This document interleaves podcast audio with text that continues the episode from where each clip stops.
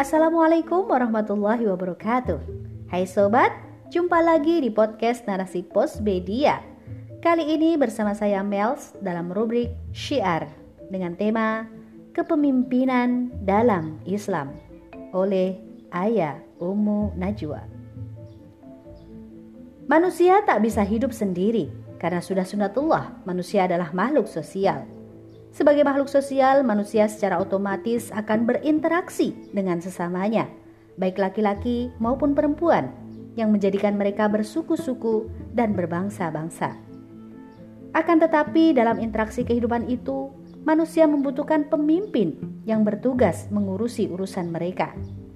Dalam hal ini, Islam telah mengatur dengan aturannya yang jelas.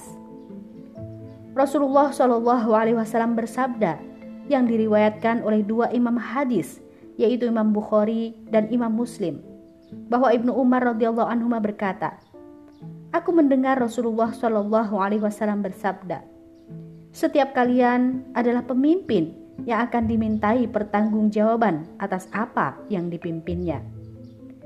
Seorang pemimpin negara akan ditanya perihal rakyat yang dipimpinnya. Seorang suami akan ditanya perihal keluarganya. Seorang istri yang menjaga rumah tangga suaminya akan ditanya tentang tanggung jawabnya. Bahkan seorang pembantu yang bertugas memelihara barang milik tuannya pun akan ditanya tentang tanggung jawabnya. Dan kalian pemimpin akan ditanya pertanggungjawaban dari hal-hal yang dipimpinnya. Hadis di atas menjelaskan masalah kepemimpinan dalam Islam bahwa hal yang paling pokok dalam kepemimpinan adalah tanggung jawab. Semua manusia yang hidup di muka bumi adalah pemimpin.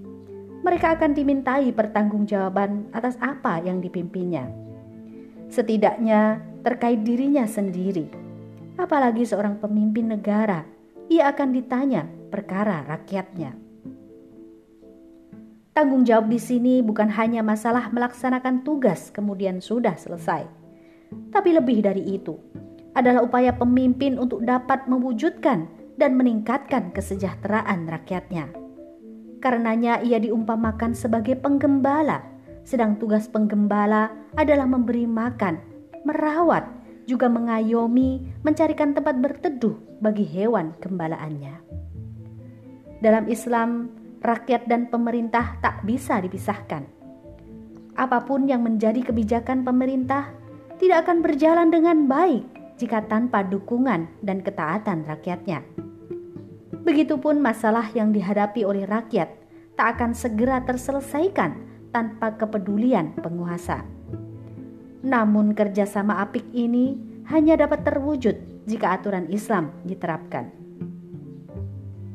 Ka'ab al-Akhbar rahimahullah, seorang rabbi Yahudi yang berpindah menjadi muslim pada masa Khalifah Abu Bakar As-Siddiq berkata dalam kitab Uyunul Akhbar karya Al-Imam Ibnu Qutaibah. Perumpamaan antara Islam, penguasa dan rakyat bagaikan sebuah kemah, tiang dan tali pengikat termasuk pasaknya. Islam adalah kemah, pemerintah adalah tiang, sedang rakyat adalah tali pengikat dan pasaknya. Adalah mustahil masing-masing dapat berdiri sendiri tanpa yang lainnya.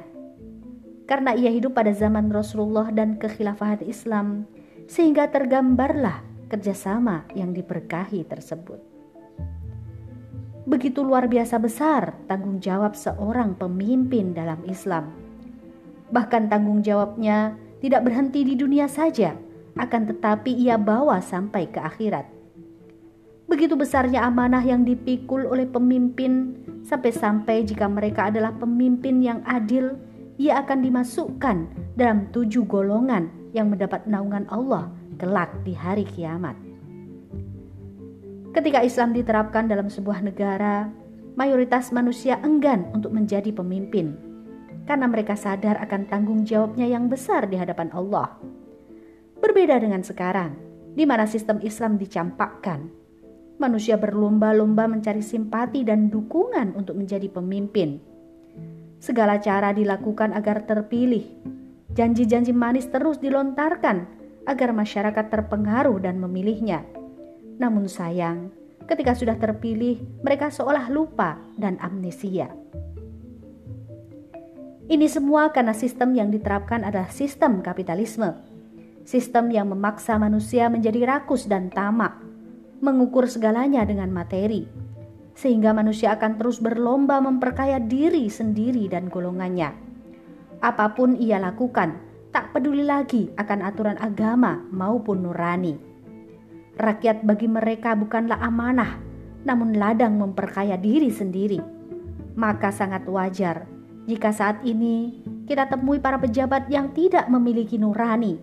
Penderitaan rakyat dijadikan lelucon, pamer kekayaan padahal rakyatnya kelaparan, korupsi bansos, bahkan sibuk kampanye dengan dana fantastis daripada membantu rakyat keluar dari pandemi.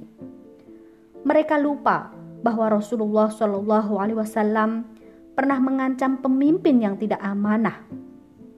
Dalam sebuah hadis dari Abu Dawud dan Imam At-Tirmidzi, dari Abu Maryam Al-Awi radhiyallahu anhu berkata kepada Muawiyah, Aku telah mendengar Rasulullah Shallallahu Alaihi Wasallam bersabda, Siapa yang Allah serahi amanah untuk mengatur urusan kaum muslimin, kemudian ia sembunyi dari urusan mereka, maka Allah akan menolak kepentingan dan kebutuhannya di hari kiamat. Maka Muawiyah pun mengangkat seseorang untuk melayani kebutuhan rakyatnya. Selama Islam tidak diterapkan dalam tatanan bernegara, maka tidak akan pernah ada kesejahteraan. Penderitaan rakyat akan terus berlanjut dan bahkan semakin parah. Pemimpin abai lagi bodoh dalam urusan rakyatnya akan terus bermunculan karena sistem yang digunakan mengurus umat adalah sistem rusak yang merusak, sistem yang berasal dari keterbatasan akal manusia.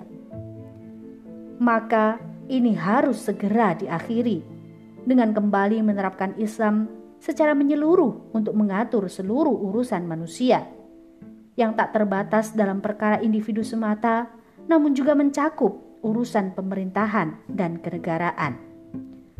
Hal itu hanya dapat terwujud dengan kembali menegakkan khilafah di muka bumi yang akan melahirkan pemimpin amanah, mengangkat kembali kemuliaan umat yang akan menebar rahmat ke penjuru dunia.